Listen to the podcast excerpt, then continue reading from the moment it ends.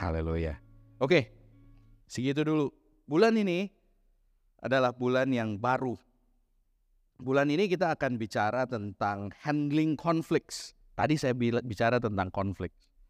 Kalau banyak orang dikumpulin tiba-tiba maka tentu saja akan terjadi konflik. Pasti, pasti. Pelayanan pasti ada konflik. Bareng-bareng kumpul Island Mission dalam satu mission team pasti konflik. Arisan aja konflik. Right? Yang kerjanya makan doang sama kocok doang aja konflik. Apalagi mission. Ada banyak kepentingan di situ, ada banyak orang kepengen ini, kepengen itu, dan kemudian nggak nyampe, ekspektasi nggak ketemu, akhirnya mereka mulai marah. Dan Bulan ini kita akan bicara tentang handling conflicts. Conflicts is good, you know. Sering kali saya bilang sama teman-teman yang baru pacaran, baru jadian, saya bilang berantem deh. Kalau kamu berantem, kamu akan naik level. Tetapi kalau kalau hubungan gak ada berantemnya, maka nanti waktu pas kamu waktu pas kamu menikah, kamu akan bingung how to handle this. Tetapi kalau kamu udah latihan dari waktu pacaran, kamu akan tahu waktu nanti how to handle all the conflicts. Jadi konflik itu sebenarnya bagus asal kita tahu cara menanganinya. Asal kita tahu gimana caranya supaya konflik ini bisa berakhir baik. Konflik nggak bisa dihindari dan semua orang akan dapat. Sepinter-pinternya tupai melompat. Pinter-pinternya kamu baik sama semua orang which is not good. Pinter-pinternya kamu cari muka sama semua orang which is not good. Kamu bakal konflik. Pasti kita pernah punya teman atau mungkin sampai sekarang masih ada teman yang kayak begitu. Yang sama semua orang iya. Iya, iya, iya, iya. Tahu-tahu satu hari dia bisa janji empat di jam yang sama karena dia nggak bisa bilang enggak. Semuanya iya. Kenapa? Dia nggak pengen ada konflik. Pengen semua orang disenangkan. Kalau pengen semua orang senang, jualan es krim. Jangan hidup. Sebab kita nggak bisa bikin semua orang happy. Pasti kita akan, suatu saat kita akan bikin orang nggak happy. Karena itu, pilih konflik dan handle konflik dengan baik supaya kita bisa makin lebih baik. Sebab kalau kita bisa tangani konflik, konflik manajemen yang baik, kita akan ke arah yang lebih baik. Amin. Roma 7 ayat 15 dan 18 saya mau bacain. I know there is nothing good in my desires controlled by sin. I want to do what is good, but I can't. I don't understand what I do. I don't do what I want to do. Instead, I do what I hate to do. Bingung ya? Baru pertama kali baca ayat ini. Bingung banget. Yang tulis adalah Paulus. Ini cerita tentang Paulus. Paulus yang bilang bahwa saya bingung. Saya ngerti. Dia tahu bahwa melakukan hal yang baik itu baik. Tetapi kemudian waktu pas praknya, dia melakukan yang tidak baik. Lalu kemudian dia bilang sama Tuhan bahwa kenapa ya? I know how to do good. I know. Instead, I do what I hate to do. Cuma Paulus dan Daud yang berani ngaku dan bilang bahwa Sorry friend, I lost it.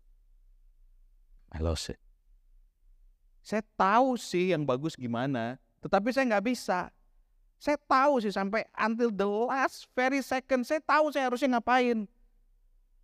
But then I slip. Dan saya melakukan yang saya benci.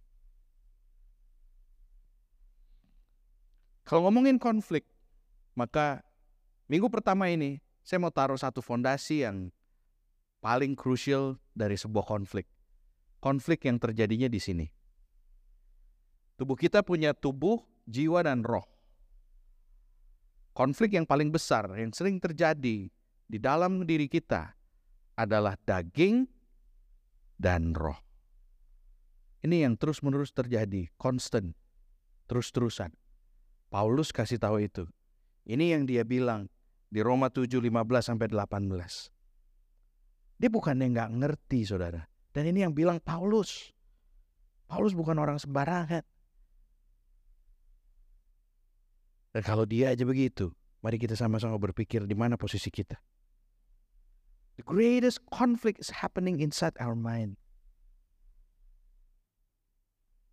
Apa yang terjadi? Bukan karena Paulus Paulus kurang Roh Kudus, bukan karena Paulus kurang iman, bukan karena Paulus nggak tahu. Masalahnya bukan di situ. So masalahnya di mana, Pastor? Nah itu dia. Mari kita cari sama-sama. The Holy Spirit, Spirit, Roh yang ada di, di di dalam kita. The Spirit is working to lift us up, while the flesh is dragging us down. Kita punya daging yang gampang banget. Itu sebabnya ada ada ayat yang bilang bahwa roh itu penurut tapi daging itu lemah. Mudah banget untuk kita bisa tahu dan ngerti. Makanya kalau kita care group, dengerin semua orang testimoni atau bahkan kita share testimoni, tentunya kita tahu segala sesuatu yang gampang yang yang, yang baik itu kita tahu. Tetapi kan kita sering kali tidak melakukannya. Terus kita testimoni ya ya ya begitu deh saya tahu sih harusnya gitu. Right? Tapi di level Paulus juga dia masih begitu. So what's going on? Ada apa? Apa yang harusnya dibenerin? Apa yang kurang dari semua ini? What are we lacking? Sebenarnya apa yang harus dicari? There's a thin line that can differ from the end result of every battle within. It's called self-control. Satu tahun ini kita bicara life in character. This is the character traits I want to talk today. Self-control. Kalau saya kasih ilustrasi konflik anak kecil dan orang dewasa, saudara saya nggak perlu jelasin, saudara langsung bisa figure out bahwa anak kecil akan bisa konflik dengan gampang, dengan mudah. Kemarin saya satu minggu Island Mission, Rika bilang dia bawa Amy ke taman, mereka main satu permainan, lalu kemudian Amy turun, dia minta ke WC, ada anak lain naik ke mainan dia, langsung dia samperin, nggak pakai bak bibu, nggak tahu bapaknya siapa, preman kayak, langsung dipukul, Gak tahu, saya speechless, maminya speechless, langsung diseret, kita marahin. But we still don't know why she have no self control. Kita juga gak bisa marah sama dia, gak bisa. Yang kita bisa adalah kita kasih tahu Amy, that is not good. It's not good. Nah masalahnya gini, itu kan anak kecil. Tapi kita orang dewasa, bahkan Paulus udah dikasih tahu masih tetap lack of self control. What happened? Ada apa? Apa yang salah? Hilang di mana nih? That thin line, itu thin line-nya apa? There's a thin line that can differ from the end result. Apa thin line-nya? The battle within remind us of our continual dependency on God's grace di luar aku, kamu tidak bisa bisa ngapa-ngapain. Di dalam aku, kamu bisa ngapa-ngapain. The just shall live by faith and by faith alone. Kita mesti ngerti bahwa kalau nggak ada anugerah, nggak ada self-control. Ada banyak hal yang akan kita lakukan, yang kita mau, ini kita nggak bisa. Yang bedain apa? That thin line is God's grace. Jadi ada banyak orang percaya yang lolos. Nggak lulus, lolos. Yeah, akhirnya. Why?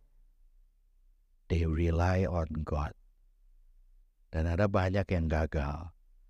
Karena mereka ngerti mereka tahu ilmunya, knowledge-nya punya, Firmannya ngerti, pernah baca, tapi tidak pernah bergantung sama Tuhan. Sebab baca Alkitab sama bergantung sama Tuhan itu dua urusan beda. Nggak sama. Kamu boleh belajar dengerin podcast. Sekarang kamu bisa bisa bisa tune in ke banyak pembicara yang luar biasa kelasnya dunia. Kamu boleh belajar segala macam. Problemnya gini, kalau kamu nggak punya yang namanya Tuhan, nggak punya yang namanya Roh Kudus, hidup di sini dan lalu kemudian dia lebih daripada kamu, ya kamu akan punya akan punya statement yang sama kayak Paulus. I know what I want to do, but I cannot do it. Bahasa saya adalah sok sombong. Ada banyak orang ngobrol, selalu sebelum saya ngomong, dia udah tahu, saya udah tahu. Kok, saya udah tahu pastor. Pastor pasti mau ngomong ini. Saya tahu, firmannya saya tahu, alamatnya aja saya tahu. Saya sering kali saya balas, saya bahkan nggak tahu alamatnya. Saya mesti cari dulu. Tapi saya tahu ada firman itu. Tapi mungkin bedanya tipis. Thin line, bedanya tipis banget. Dan perbedaan tipis itu adalah God's grace. Saya tidak mengandalkan dan merasa bahwa saya bisa. Dan saya tidak pernah ngerasa bahwa saya bisa, walaupun saya tahu. Tapi saya ngerasa bahwa saya selalu butuh Tuhan untuk bisa lewatin itu. Ada lagu sekolah minggu yang bilang, dia harus makin bertambah. Dan ku harus makin berkurang.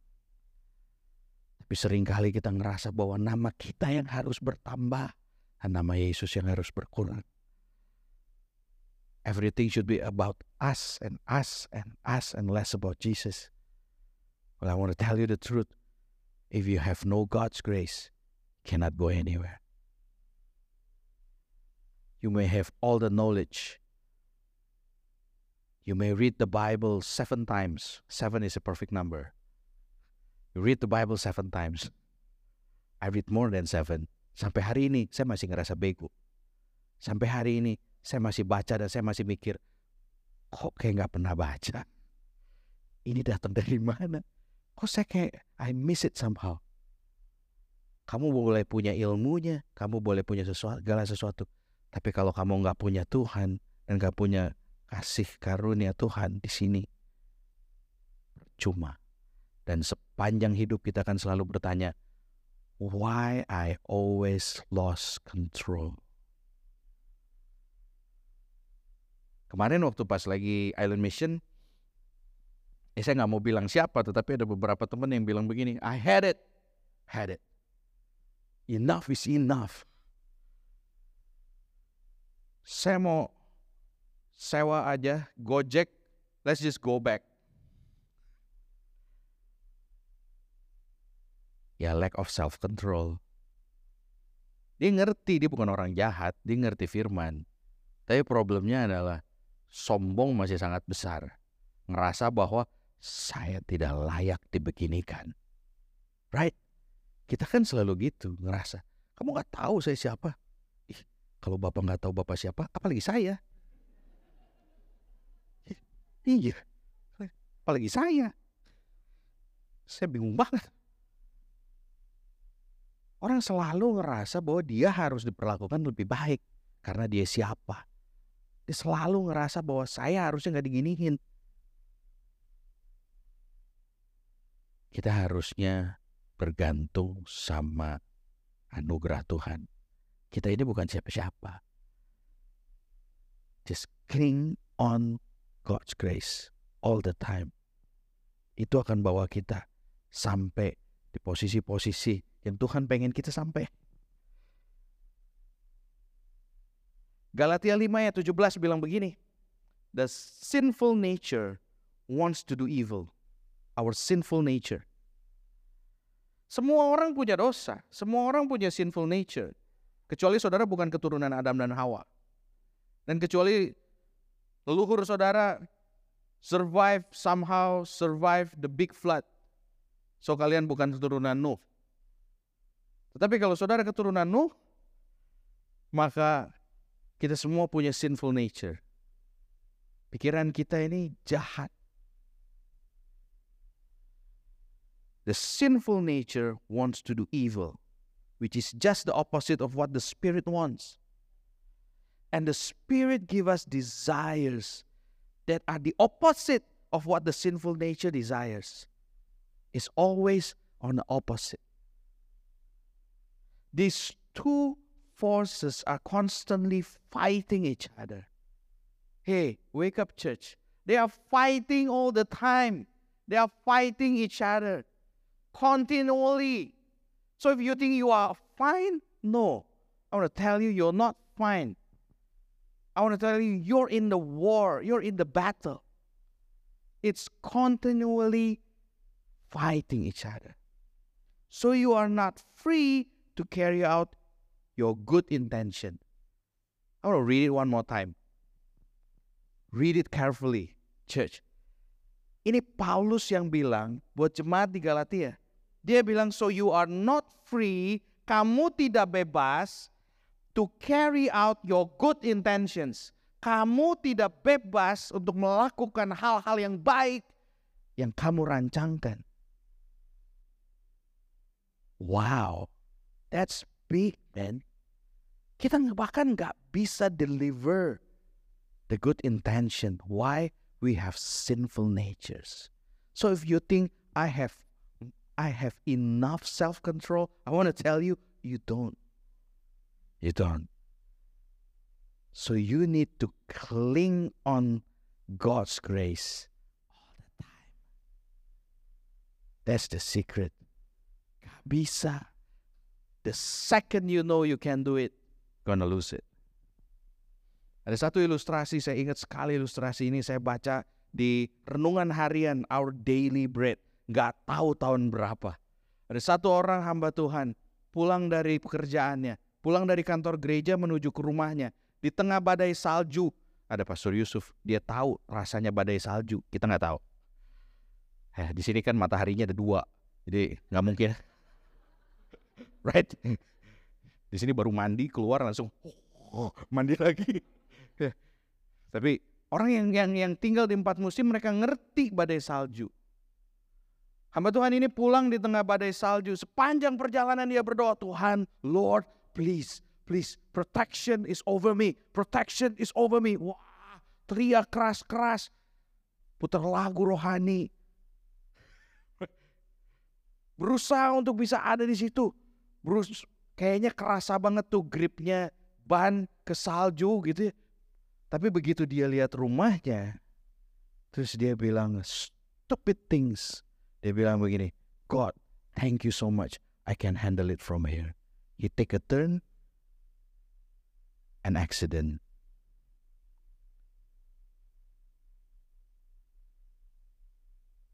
We need to rely on Him all the time. Gak bisa.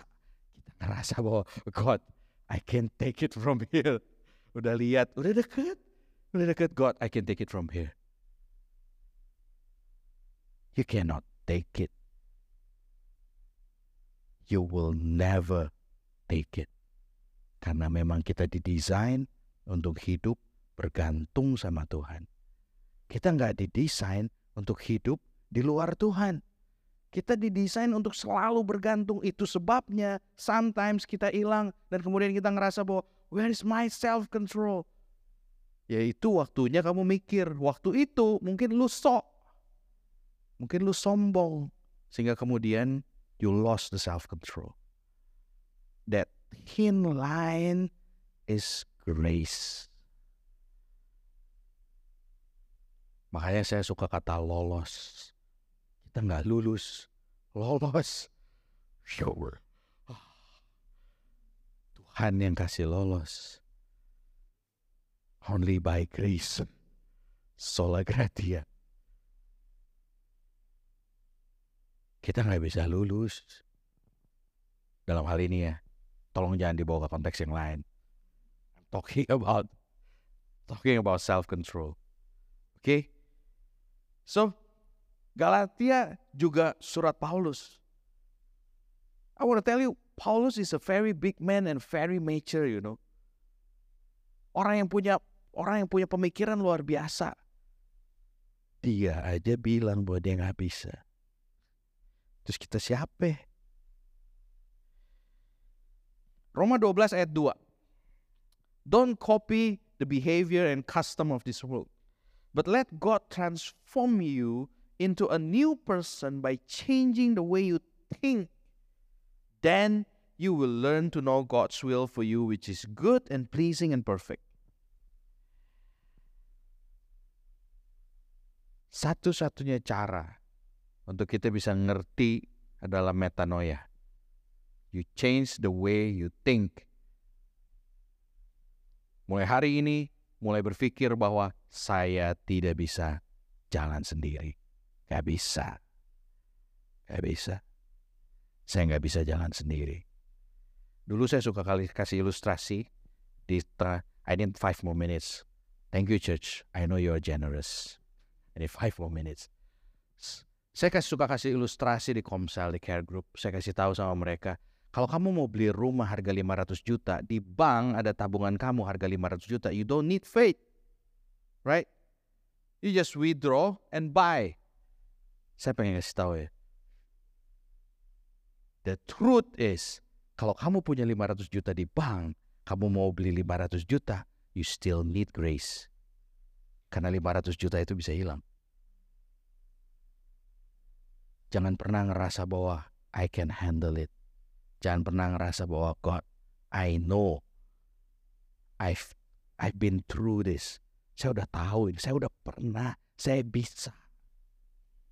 Saya nggak ngerti berapa kali saya harus share bahwa dulu saya ini personal trainer. I'm a personal trainer.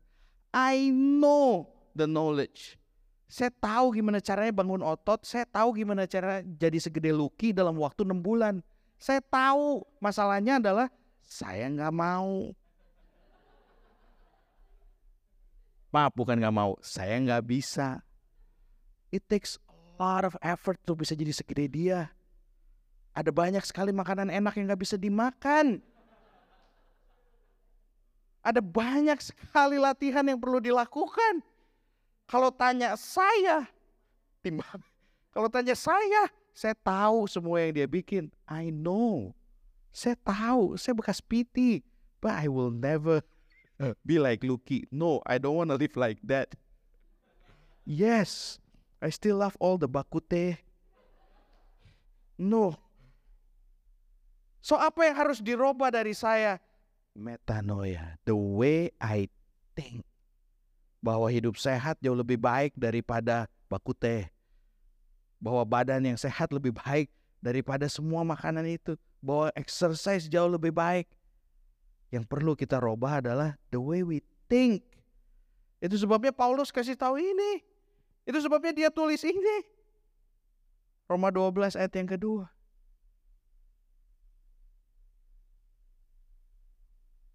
The only way to overcome this is to let the Holy Spirit inside us manifest. Itu sebabnya saya kasih judul khotbah saya Inside Out. Jangan taruh apa yang ada di dalam kita kelihatan keluar, tetapi biarkan Roh Kudus yang di dalam itu muncul keluar.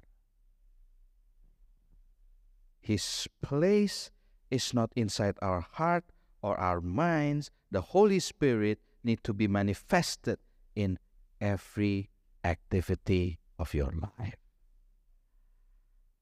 Oh, Roh Kudus mah ada di dalam hati.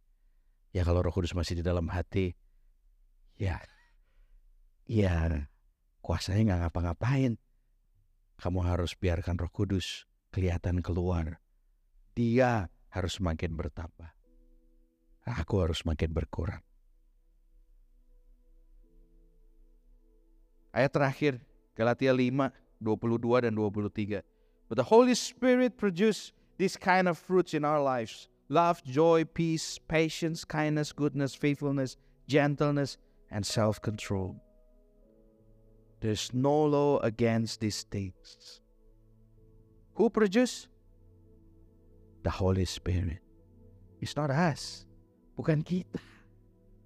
Oh kita mau latihan self control. No, it's not a muscle. Faith is a muscle. You can train faith, but self control is not a muscle. Self control, Holy Spirit yang produce, bukan kebiasaan kita. Oh, it's not the culture, Pastor. Ini bukan perkara culture, bukan perkara kebiasaan. Ini Holy Spirit yang take over. You need to cling on.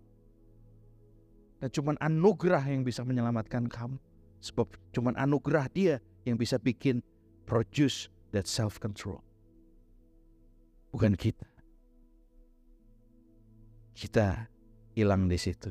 That's why that's what we lack of. Kita ngerasa bahwa oh kita coba. Mau jadi sabar, kita coba biar jadi sabar. You know what? The grace will make you patience. Holy Spirit will produce itu sebabnya kita harus taruh Holy Spirit number one. Before everything else. Above everything else.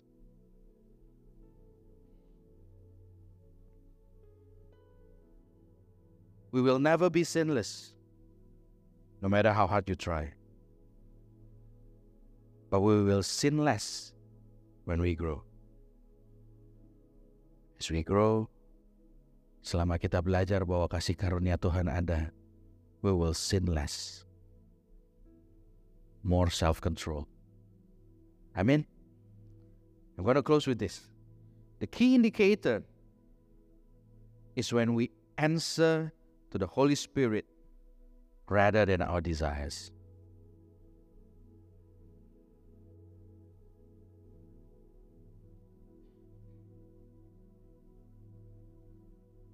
The KPI come from the Holy Spirit. Ketika sesuatu terjadi, kamu cari Tuhan, or you Google. Anak panas, Google. Segala macam sekarang semua Google. Kalau anak panas, berdoa. Kurang duit, berdoa. Gak tahu mau ngapain berdoa. Google gak bisa jawab. Sekarang mulai cari jawaban di chat GPT. They cannot answer. They don't have the grace. The grace is sufficient for you and me. Amen. Let us stand up, bow our head, close our eyes, and let us pray. Thank you, Lord Jesus. Terima kasih Tuhan. Kami mau mengiringmu seumur hidup kami. Dan kami tahu Allah kami yang sangat baik. You grant us grace. Grace upon grace upon grace upon grace. No matter how hard our life is no matter how big the problem is. The grace is sufficient for you and me. So let's learn about self control and cling on the grace second after second, minute after minute, day after day. You will see that God will grant you the self control not just the self control, but with all other eight threads of the self control. You'll have love, patience, gentleness, faithfulness. Saya berdoa supaya dalam minggu-minggu ke depan kita punya banyak sekali kesempatan bisa mempraktekkan pengendalian diri. Hamba berdoa supaya semua orang yang ada di sini Tuhan berikan hikmat, kekuatan, untuk mengerti bahwa ini adalah waktunya anugerah Tuhan take over our lives. Thank you Lord Jesus.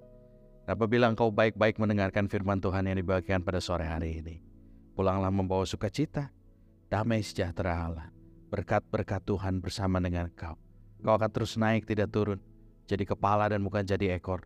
Dan apa pun yang kau kerjakan, Tuhan akan bikin berhasil Di dalam nama Yesus, semua orang percaya bilang, Amin. God bless you, church. Happy Sunday.